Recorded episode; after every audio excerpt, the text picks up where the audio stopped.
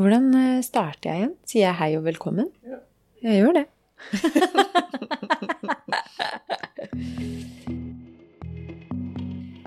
hei og velkommen til eh, dagens episode, eh, som handler om smerter i underlivet.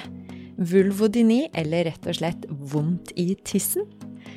I dag skal vi snakke med Camilla Cox, gynekolog hos oss på Volvat, som tidligere har jobbet på Vulvaklinikken i Oslo og kan veldig mye om temaet. Velkommen til oss, Camilla. Takk skal du ha. Langvarige vulvasmerter vil ramme 10-15% av alle kvinner i løpet av livet. Vulvodyni er en smertetilstand som rammer kvinnens ytre kjønnsorgan, det som kalles for vulva. Mange kvinner opplever plager i dette området, som bl.a. soppinfeksjoner og eksem. For noen er disse vanlige plagene eh, begynnelsen på en mer langvarig tilstand med svie, kløe, sårbarhet og smerter. Smerteintensiteten er veldig individuell.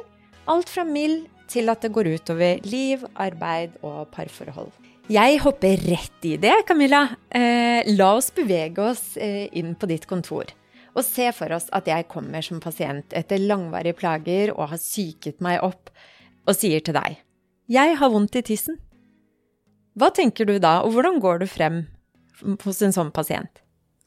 Hos disse pasientene som kommer inn og faktisk sier at de har vondt i underlivet, så eh, er det jo eh, viktig for det første for meg å sette meg ned i stolen og bare puste litt, fordi at det, dette er pasienter som trenger tid og ro.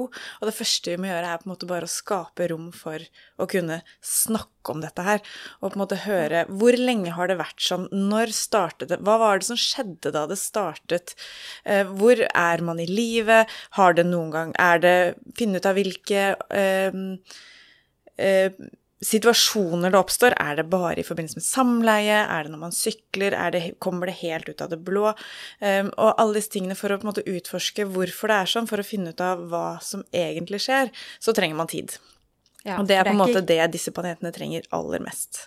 Åh, oh, det er så fint, for det er nok kanskje det mange av de pasientene opplever at de ikke har fått i søken om hjelp tidligere. Og, det er også veldig, og også på andre det er jo veldig mange leger som heller ikke tar seg den tiden, som ikke har den tiden, fordi at det sitter 15 mennesker ute på venterommet som mm. venter, og det, dette her tar tid. Eh, og så når man på en måte har snakket gjennom og prøver liksom finne ut av hva som egentlig skjer, eh, så eh, må man jo også undersøke pasientene. For det er veldig mange som sier at det, at det gjør innmari vondt der, eh, men så er det jo litt forskjellig hvor de faktisk har vondt. Eh, og da blir det jo på en måte litt å prøve å utforske hvor dette her er. Eh, og når vi gjør en undersøkelse hos pasienter med smerter i underlivet, eller ved smerte ved samleie, så um, gjør vi veldig forsiktige undersøkelser. Og det som er veldig viktig for meg, og som jeg alltid sier til pasientene, er at disse undersøkelsene de skjer fullt og helt på pasientens premisser. Mm. Det er pasientens kropp, det er pasientens undersøkelse, og de står selvfølgelig fritt til å si stopp når som helst i undersøkelsen. Og jeg gjør også kun det aller nødvendigste for at ikke undersøkelsen skal traumatisere noe mer. Um, og det jeg gjør da når vi undersøker pasienter for å, for å, kartlegge smerten i underlivet, det er rett og slett at de setter seg opp i gynstolen som en helt vanlig pasient. Uh, etter en da prat? Etter en lang prat. Ja. Um, og så er det jeg gjør, så tar jeg, bruker jeg en liten vattpinne som ser ut som en q-tip, som jeg tar litt vann på. Og så prikker jeg egentlig litt i underlivet for å Først på de ytre kjønnsleppene, mm. eh, og så på de indre kjønnsleppene, og så helt inne ved skjedeinngangen. Akkurat liksom der hvor skjedekransen sitter. Eh, for det er ofte der smertene sitter. Og så mm. er jeg forsiktig borti med denne vattpinnen, mm. eh, og så skal de si ja eller nei til om det er vondt. Ja. For å prøve å finne ut av akkurat hvor smerten faktisk sitter. Uh, og så ber jeg dem også angi smertene på en skala fra 1 til 10, hvor vondt de syns det er. Mm. Uh, hvor null er ingen smerte, og 10 er verst tenkelige smerte. Um, og så kommer det litt an på hva som er bakgrunnen for det. Hvis det er en pasient som har hatt masse soppinfeksjoner, f.eks., så um, hender det at jeg trenger også å kikke inn i skjeden uh, for å se om det faktisk er noe infeksjon som er her nå som vi trenger å behandle, og eventuelt tar en prøve av, men det gjør jeg kun hvis det er mistanke om det. Mm. Eh, som sagt, så Hvis jeg ikke er noen grunn til å tenke at det er en infeksjon i skjeden, så prøver jeg også å unngå å skulle kikke inn, fordi at det, For det, det er vondt å sette inn et spekel hos disse pasientene. Um, og så, når jeg har kartlagt hvor smertene sitter, så tar jeg også og skal undersøke bekkenbunnsmuskulaturen. Uh, og da bruker jeg en finger uh, og kjenner Og da holder jeg først fingeren utenpå vulva, bare sånn at de kjenner at fingeren er der. Mm. Um, og når jeg prøver å få dem til å slappe av, sier jeg fra. Nå setter jeg fingeren akkurat inn i skjedeåpningen. Eh, og så palperer jeg og kjenner på muskulaturen rett på innsiden for å kjenne om det er stram bekkenbunnsmuskulatur eller ikke. Er det det? Det er litt forskjellig. Mm. For dette her er litt sånn det som er litt sånn sammensatt. Disse smertene i underlivet, når vi snakker om dette her, så er det jo vi kaller det vulvodyni og vaginisme. Og vaginisme er jo den stramme bekkenbunnsmuskulaturen. Mm. Og ofte så blir det litt sånn at eh, når man går med kroniske smertetilstander som dette her er, så vil man også helt automatisk uten å tenke på det stramme bekkenbunnen. Det blir litt sånn som noen reagerer på stress med å liksom trekke opp skuldrene og gå liksom med skuldrene som mm. ørevarmere. Så er det andre som på en måte strammer bekkenbunnen. Um, og da blir den stram og øm. Mm. Um, og så ber jeg dem også knipe for å se om de har liksom noe som helst kontakt med bekkenbunnsmuskulaturen sin. Både knipe og slappe av. Mm. Uh, og ofte så skjer det ingenting. så de har ikke den kontakten? De har liksom ikke noe kontakt og ikke noe kontroll på det i det hele tatt. Hva er det som gjør at de mister uh, De har, har de aldri, aldri hatt det, sannsynligvis. For det er jo ikke det, er jo ikke det er ganske vanskelig Hvis man ikke har trent på bekkenmunnsøvelser, så det, kan det jo være ganske vanskelig å skulle knipe bekkenmunn hvis man ikke har gjort det før. Nei, ja. Mm. ja det er sant. Som å bevege på lilletåa. Som å bevege på Ikke sant? Isolert. Eller ørene. ja. uh, og da, når jeg da har kjent på bekkenbunnsmuskulaturen, uh, så avslutter jeg undersøkelsen der.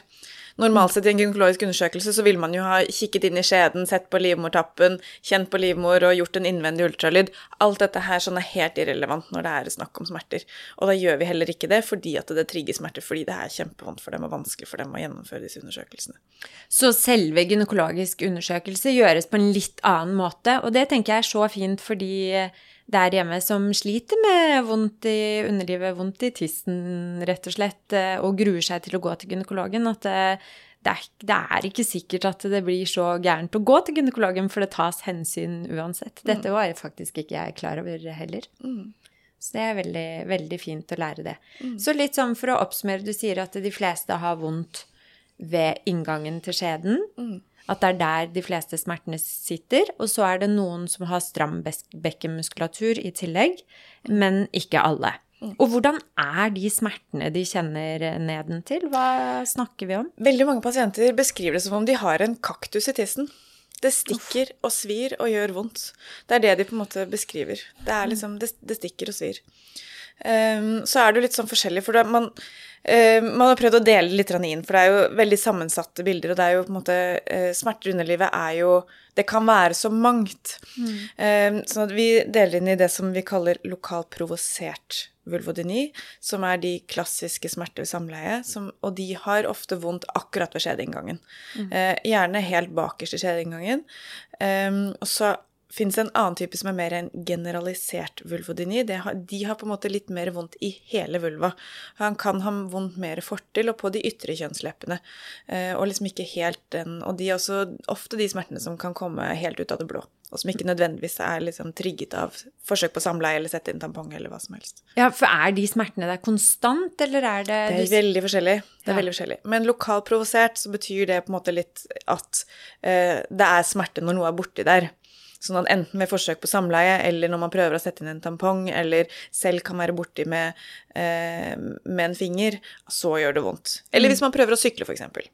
Ja. Det er jo mange av disse her som verken kan sykle eller bruke jeans eller andre trange klær fordi at det gjør at de får vondt. Ja. Mm. Men som, når de ikke trigger det, så går så det greit? De, så måte. går det greit, og så har de ikke vondt. Har man Men, vondt ved vannlating? Eller når man går på do generelt? Egentlig ikke. Uh, egentlig ikke. Det, pleier, det pleier, pleier egentlig å gå fint. Ja. Ja. Ja. Uh, men disse generaliserte vulvodyniene, det er de som kan måte, de våkner om morgenen, og det gjør vondt. Uh, hele dagen. Hele dagen. Og det kan komme og gå. Men som alle andre mulige smertetilstander, så ha, kan jo også disse pasientene ha gode dager og dårligere dager. Så det vil jo på en måte kunne variere. Ja, for hva er det som forverrer da de smertene? Eh, ofte så er det Stress kan forverre det, ja. eh, og også liksom alt som irriterer, kan forverre det. Sånn at alle pasientene med smerter i underlivet de får jo også eh, disse sånne generelle råd som å, å unngå såpe og unngå vann. Eh, vi har tidligere sagt unngå barbering og voksing. Det har vi nesten stort sett sluttet med å si, for det er ingen som hører på deg likevel. fordi at eh, alle fjerner jo håret nedentil for tiden. Ja. Eh, Men i utgangspunktet så hadde det vært veldig lurt å la det være, fordi at dette også irriterer. Mm. Vi anbefaler å bruke bomullsundertøy og å bruke løse klær, og ikke ha tettsittende klær. Så liksom alt som irriterer, anbefaler vi å unngå. Men stress også, så det er jo helt eh, Jeg syns det er så fascinerende at stress har så vanvittig stor effekt på kroppen vår. At det på, på en måte trigger så mye. Og så er det Har vi sånne akilleshæler, da, som åpenbart noen får stramme skuldre og migrene av stress, mens andre får eh, Mens andre får stram eh, bekkenbunn og, og, Ja. og vondt i, i tissen. Ja. Mm. ja. Det er helt utrolig. Men disse er jo ikke likestilt allikevel. Ehm, og det er jo det som er litt sårt med, eh, med denne tilstanden og de kvinnene som opplever det. For vi kan vel være enige i at smerter i underlivet skiller seg fra smerter i kneet eller hodet. Eh, det er mer tabu, vanskeligere å forstå, snakke om og går utover flere av våre primærbehov. bl.a. blant annet parforhold og sexliv. Men også den triggeren å gå rundt og ha en usynlig smerte, på en måte, som også tar mye energi og, eh, og sånt. Og den psykiske belastningen det er. Det er ikke så lett å si hvis du kommer haltende med et vondt kne, så syns jo folk synd på deg og tilbyr å hente en kaffekopp, på en måte, så du skal slippe å gå nedover hele gangen. Hvis du kommer på jobb med vondt i tissen, så er det ikke så lett å si jeg er delvis sykemeldt, jeg, fordi vondt i tissen. Eller jeg vet ikke, hvordan opplever du at livskvaliteten til eh, disse pasientene er? Mm, Jeg opplever, altså Som gynekolog da, så har vi jo på en måte to litt store grupper med kroniske smertepasienter. Vi har på en måte på en, måte, en side endometriosepasientene, hvor noen er så uheldige å også være veldig mye plaget med kroniske smerter. Eh, og så er det vulvapasientene.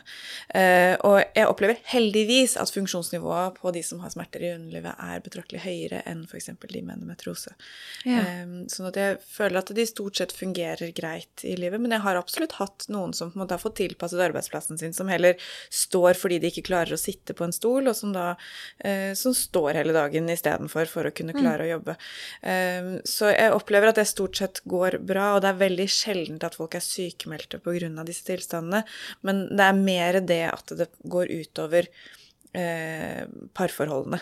Ja. Eh, at det er eh, det her med å ikke kunne gjennomføre samliv eh, og samleier, at det er det som er på en måte hovedproblemet, da. Ja, for det er jo Jeg kan jo se for meg at det er et problem eh, for kvinnen, selvfølgelig, som har vondt, og som ønsker, men som ikke får det til pga. smerter.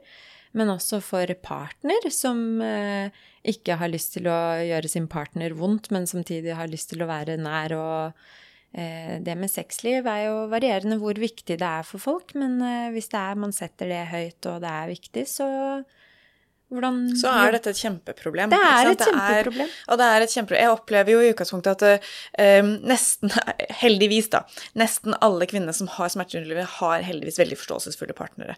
Og dette her er jo en ting Mm. som vi snakker mye om i konsultasjonen før vi undersøker også, hvordan dette her påvirker akkurat det um, parforholdet til den pasienten jeg har der. Uh, Mm. Og um, det de forteller, da, er jo ofte at det gjør vondt, og så er det litt forskjellig om de er flinke til å la være å ha sex hvis det gjør vondt. Mm. Det er jo noen som har lyst til Altså, lysten er jo der selv om man ikke får det til. Eh, og så er det også det å ha lyst til å være grei med partner, fordi at Mm. de vet at partner gjerne vil, og så vil man være grei, eh, og så biter man tenna sammen og har samleie likevel. Eh, og det, akkurat den biten der er veldig dumt, fordi det gjør bare ting verre. Um, men så ja, er det jo man bør at eh, egentlig unngå man bør absolutt unngå. Fordi det som skjer da når man, eh, eh, når man har sex når det gjør vondt, er at eh, helt uavhengig om man, hvor mye man prøver å slappe av, så spenner man seg. Eh, og jo mer man spenner seg, jo hardere, strammere, vondere blir bekkenbunnsmuskulaturen, vaginismen, som gjør at det blir mindre blodgjennomstrømning i slimhinnene, som gjør at det blir mer og mer smerter og mer og mer nervefibre også i slimhinnene eh, i vulva, som gjør smertetilstanden verre. Sånn at det på en måte Det blir jo en, en sånn ond sirkel. Ja. Um, og da blir det bare verre og verre, og det blir vanskeligere og vanskeligere å komme ut av det også. Så det, faktisk, det, er ikke, det er ikke lov å bite tenna sammen og være grei pike. Nei. Man skal la være å ha sex hvis det gjør vondt. Oh, det er bra du sier, for det å skape sånne negative assosiasjoner også til det, uh, mm. er én ting med den psykiske biten, mm. men at det faktisk utvikler seg flere mm. nervefibre som gjør at smertene forsterkes, er jo minst en like viktig faktor og mm. en god unnskyldning, vil jeg si. Jeg tenker også det. For de som trenger det. Men så er det jo også, det er veldig forskjellig med kvinner også, som det er mange av dem som uh, syns det er vanskelig å snakke om med partner. Um, og så er det også vanskelig for dem å liksom, forestille seg litt hva, hva, tenker Hvordan har partner det oppi det hele? Mm. Um, fordi at de aller fleste har jo uh, sine egne behov, men også stor forståelse og respekt for sin partner som har vondt i, i underlivet, da. Mm. Um, og det kan bli på en måte en litt sånn vanskelig greie, og så kan det, er det mange som syns det er vanskelig å finne andre måter å være intime på mm. uh, uten å ha penetrerende vaginal samleie. Mm. Um, og den biten der sånn tenker jeg at det er veldig viktig, fordi det er mulig å ha et godt samliv og et godt intimliv uten å ha samleie. Og det er så bra du sier det, og der beveger vi oss litt inn på at eh, denne tilstanden er jo egentlig, hvis man skal angripe den, eh, så har jo du og jeg, Camilla, snakket litt om det tidligere, og jeg vet at du er ekstremt god på å samarbeide med parterapeuter, sexologer, allmennleger, f.eks. Mm. Eh. Og ikke minst fysioterapeuter. Ja. For det er jo på en måte Når vi beveger oss over på behandlingen av vulvodyniene, um, så er det jo på en måte veldig sammensatt. Um, vi bruker fortsatt litt sånn xylokain, bedøvende um, salve, som de smører i underlivet akkurat der hvor det gjør vondt, i noen mm. uker, Eh, som etterfølges av egenmassasje. Som er, og den salven bruker vi litt sånn for å, for å dempe alle nervefibrene. Mm. men så har forskningen vist at det kanskje ikke gjør, har så stor effekt som det vi har trodd før. Mm. Uh, men allikevel så tenker jeg at det er viktig både fordi at det, underlivet trenger litt ro, litt sånn for at nå skal vi faktisk gjøre en innsats. Um, men så etterfølges det også av på en måte egenmassasje, og da ber jeg pasienten om å bare ha litt olje på fingeren, og så massere akkurat skjedeinngangen litt selv hver dag. Utvide på en måte litt Ja, eh, først så vil jeg egentlig gjerne til å begynne med, så trenger de bare også bare helt lett berøring. Ja. Fordi at eh, selv en lett berøring hos disse, hos disse pasientene gjør kjempevondt. Så de trenger på en måte å lære forskjellen på smerte og berøring. Og da begynner vi med helt forsiktig, helt lett berøring med egen finger, hvor de vet at 'dette her er min finger, den gjør ikke vondt'. Mm. Og når man har gjort det hver dag en uke eller to, så kan man på en måte begynne å ta fingeren akkurat inn, rett inn i skjedeinngangen, mm. der hvor det virkelig gjør vondt, og så på en måte begynne å kjenne helt forsiktig. Og når det går greit, da kan man begynne å tøye litt eh, og bevege litt mer og på en måte massere det litt mer. Men så er det uh, det som på en måte det er ikke gjort veldig mye studier på dette. her, sånn. Det er jo ingen som interesserer seg for smerter i underlivet. Men er de det er noe nytt? Det her, Nei, vi snakker sant? om kvinnehelse. Jeg er kvinnehelse. ikke sjokkert. Men det, de få studiene som har vært gjort, så er det vist at det som fungerer eh, i behandlingen av vulvodynier, det er fysioterapi. Ehm, sånn at alle disse pasientene trenger å gå til fysioterapeuter eh, og få kontakt med bekkenbunnen sin, lære å gjøre øvelser. Og nå er det ikke noe sånn at vi skal stramme opp bekkenbunnen sånn som vi skal gjøre etter barnefødsler. Nå skal vi lære å få kontakt med den sånn at vi lærer å slappe av i bekkenbunnen. Mm. Um, og det er det som virker. Så de pasientene jeg har hatt som har blitt helt bra, det er de som er skikkelig flinke til å gjøre øvelsen de får av fysioterapeutene. Oh, så bra. Um, og så er det veldig Det er motiverende å høre deg si det. Uh, og det er veldig mange pasienter også som har god effekt av å gå til osteopater. Det er ingen studier som viser at det faktisk har effekt, men uh, jeg har veldig mange pasienter som har hatt veldig god effekt av det. Så vi kan ikke kimse helt av det. Uh, og det er en del utstyr fysioterapeutene bruker også, er det ikke det? Du... Noen fysioterapeuter gjør det. Og det som, det, som fins, er for det første så fins det sånne måleapparater som man kan sette inn i skjeden, og så måle styrken på bekkenet bekkenbunnmuskulaturen. Eh, og det er også veldig fint å gjøre sånn i utgangspunktet, for da ser man jo på en måte hvor sterk er pasienten i utgangspunktet, eller hvordan er knipefunksjonen i utgangspunktet, også for å kunne følge det over tid. Og se effekter og se effekten. Og så mm. fins det jo også Jeg er stor fan av disse biofeedback-apparatene når man gjør bekkenbunnsøvelser, hvor man setter inn en sånn probe, en sånn liten dot inn i, inn i skjeden. Eh, og så har man en sånn liten digital skjerm, og så skal man knipe. Og så er det en sånn liten ring som beveger seg på den skjermen. Og så skal man knipe, og da holder man lenger, og så skal man slappe av igjen, og så ser man den ringen beveger seg. Og da ser man det på en måte visuelt. Ja. Eh, jeg har prøvd det selv, og det fører til en betraktelig mye bedre teknikk Fordi at man kniper mer, man holder lenger, og man ser liksom virkelig når man slapper av.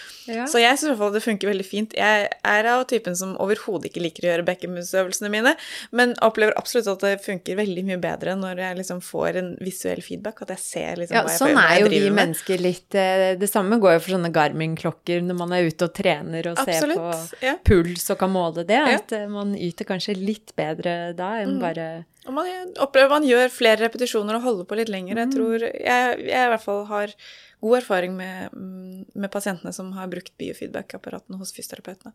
Og det er superfint at du nevner at det finnes sånne ting, fordi flere av mine pasienter som kommer, eh, har ofte gått i årevis og bare fått beskjed om å knipe. Så bare ok, men hva er knipeøvelser? Mm. Eh, og så, etter mange år, så kommer de kanskje over en kollega eller lest på nettet om apparater eller sånne ting som kan være behjelpelige til å gjøre det riktig. Mm. Som igjen gir de raskere progresjon til å bli bra. Mm. Men ofte så er den prosessen fryktelig lang. Opplever du også at mange av disse går lenge, lenge, lenge først før de får diagnosen, og så før de får riktig hjelp? Eller når de kommer til deg, så får de jo riktig Jeg opplever egentlig at de fleste som faktisk tar tak i det og går til, de går til fysioterapeuter som faktisk driver med kvinnehelse, og som bryr seg om kvinnehelse. Ja. Eh, og der får de jo god veiledning. Og det er overhodet ikke nødvendig å ha disse apparatene for å skulle kunne gjøre eh, bekkenbunnsøvelser riktig, eh, og for å skulle kunne bli bra. Overhodet ikke. Hvis man får god veiledning eh, og gjør knipeøvelsene sine, altså gjør øvelsene Det viktigste er det er sannsynligvis ikke så viktig akkurat hvordan man gjør de, bare at, at man gjør dem. Ja. Um, men, men at man trenger god veiledning, det gjør man. Ja, for hvordan skal man Men hvordan Ok, sånne knipeøvelser, da. Eh, hvordan Du sier at man gjør dem. Eh, er det bare sånn Kan det være knip, slipp, knip, slipp? Eller burde man ha et mønster på det, eller jeg tror det er eh, Nå er ikke jeg fysioterapeut, eh, og jeg veileder ikke så mye i, i kniping, men jeg tror litt sånn hele poenget med det er på en måte å sakte, men sikkert bygge opp eh, knipet. Men så er det veldig fokus på Det er ikke noe sånn om å gjøre å knipe hardest mulig. Det trenger ikke å være kjempehardt, men at man på en måte får kontakt og kniper, og så slipper man. Mm. Og så er det liksom den, den avspenningsbiten som i disse tilfellene da, på en måte er den viktigste delen av det. Ja, selvfølgelig. Mm. Selvfølgelig. La oss ta en runde på smerter i kroppen generelt, for jeg får ofte inn pasienter som har vondt både her og der. Og de blir fullt utredet, men vi finner ingenting galt. Men smertene er jo reelle, de har jo skikkelig vondt. Akkurat det samme som det vi snakker om nå. Er det kroppens måte å si ifra? Du sa stress kunne være en trigger. Går det tilbake hvis de lærer seg stresshåndtering bedre? Ja, det tror jeg. Eller det kommer helt Altså, akkurat hva gjelder vulvasmerter angår, så kommer det litt an på hvorfor de har fått dem, da.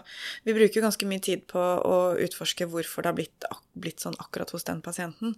Eh, og det er klart at vi, hos de pasientene som, eh, som har mye stress, hvor det, det er Men med vulvasmertene så er det vel egentlig ganske sjeldent at det kun er stress som utløser smerter ved samleie. Hva annet er det som utløser eh, disse smertene? Du var litt innom eh, gjentagende soppinfeksjon, det Ja. kunne være en predisposisjon. Hos veldig mange pasienter så er det tilbakevendende soppinfeksjoner. Um, så, det, så ser vi mange kvinner som er litt sånn type flink pike-syndrom, som får det.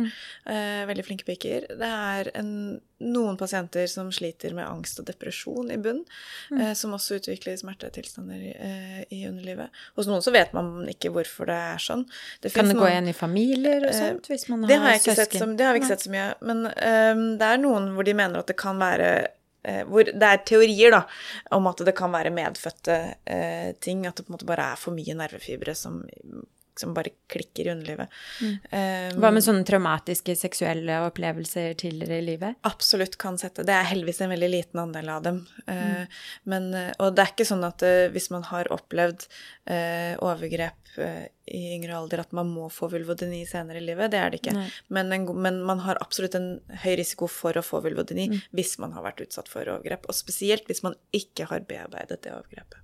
Mm. Mm, eller de overgrepene.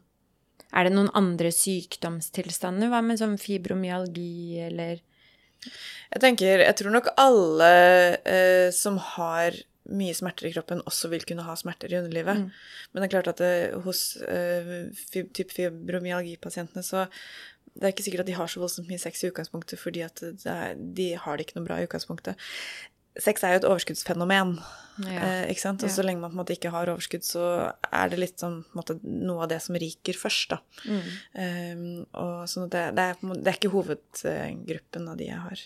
Nei, og Eh, da er jo og det ikke de plagene, sånn- da er det ikke så farlig. Og det er liksom, og de har såpass mye Det er såpass krevende for dem, tenker jeg, da, eh, å bare fungere i hverdagen Mm. at eh, det tar ganske lang tid før de faktisk tar tak i det å skulle få et normalt sexliv. De vil på en måte først fungere i vanlig hverdagen før Altså det er viktigere å fungere i hverdagen enn at sexlivet fungerer, på en måte, for dem, da. Ja.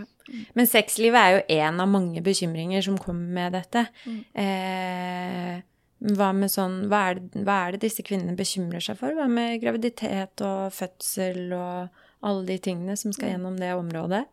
Mange, altså Hos disse unge jentene så, eh, som har dette her, da, så er de jo bekymret for skal de noen gang, hvordan skal de alle dager skal de klare å bli gravide når ikke de klarer å ha sex. Eh, og eh, hos disse kvinnene så prøver vi jo selvfølgelig først å jobbe med dem så de klarer å ha, eh, ha samleie. Eh, og det er jo fint å kunne veilede dem også til å kunne ha, i hvert fall eh, hvis det er, litt, det er noen av dem som har smerter i lang tid etter et samleie. Og så sier de at ja, men ok, jeg har lyst til å prøve å bli gravid på egen hånd, eh, men da er vi jo nødt til å time det, da. For hvis det er klart at hvis de da har vondt i flere dager etterpå, og det går to uker til neste gang de kan ha sex, så må man i hvert fall passe på at de har sex på riktig, riktig tidspunkt. La dem bruke eggløsningstester, f.eks. Eh, men det er jo absolutt en del pasienter med vulvodyni som ikke klarer å gjennomføre samleie i det hele tatt, som vi av den grunn henviser til assistert befruktning. Å ja. Um, og i USA så har de jo sånn home insemination kits, hvor, er, hvor de Fortell, måte, fortell om det. eh, ja, det er, det er ikke verre enn eh, en type en sprøyte og en, et langt type sugerør man setter på tuppen av det, hvor man samler opp sæd og sprøyter det inn i skjedene for å la være å ha samleie, for å kunne bli Til gravid Til disse kvinnene? mm. Du kan ordne det hjemme. Ja. Det er jo bare å få transportert sæden inn i skjeden. Det er jo ikke så veldig mye mer som egentlig skal til. Nei, det er jo Og det kan hende er lettere med et veldig sugerør. praktisk tilnærming, da, må jeg si. Det, det er jo absolutt det. Ja. Mm, Hvordan er det for de å gå gravide og sånt, da? Vil det forverre det plagene? Graviditeten i seg selv har nok ikke noe, uh, noe påvirkning på smertetilstanden, men veldig mange av dem er jo spente på hva som skjer i fødsel, uh, og hvordan dette her skal gå med fødsel og vulvodyni. Uh, og det jeg snakker med disse pasientene om, er at det er veldig viktig det anbefales at de føder vaginalt, eh, men det er veldig viktig at de i forkant av fødselen er tydelige på at jeg har en smertetilstand i underlivet, eh, sånn at eh, de som eh, er med dem under fødselen eh, av jordmødre og leger, at de er klar over det, sånn at de kan ta hensyn. Fordi at det, det trengs å undersøkes vaginalt i løpet av en fødsel, eh, men disse pasientene trenger jo litt ekstra tid når disse undersøkelsene skal gjøres. De trenger å på en måte kunne forberede seg litt på det, kunne prøve å slappe av og puste. De har jo lært seg pusteteknikker på forhånd som skal gjøre at de skal kunne klare å gjennomføre det. Eh, og da, men da må pasientene på en måte selv kommunisere det til de jordmødrene eh, som, som skal følge dem i fødsel. Eh, så det er på en måte veldig viktig. Og så er det litt sånn at for noen så er det å føde vaginalt, det løser bare alle problemer. Ikke spør meg hvorfor, jeg vet ikke. Men noen blir bare bra etter en barnefødsel. Men så har du de andre eh, som Veldig aldri har hatt vulvodyni før, som kan få det etter en barnefødsel.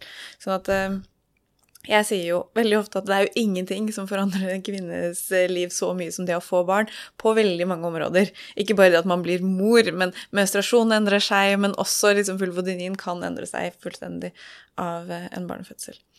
Så det anbefales absolutt å prøve, for hvis de er heldige, så blir de kvitt vulvodinin sin av en barnefødsel. Og det er ikke noe Selv om man har stram bekkenbunn, så betyr ikke det at man ikke kan føde. Eh, snarere tvert imot, det er ikke noe problem. Det går fint. Ja, Og og det gjør ikke noe vondere for dem som for alle andre. Barnefødsler er vondt uansett. Ja, ikke sant. Mm. Men sånn mindfulness, du var litt innom at de får pusteteknikker og Mm. sånne ting, det må jo være superbra for akkurat disse Det er, jeg tror det er veldig viktig. Egentlig for alle. Mm, Ja. mm. Jeg tror det er veldig viktig. Um, Det gjelder jo for så vidt alle, men kanskje litt ekstra for disse her, da.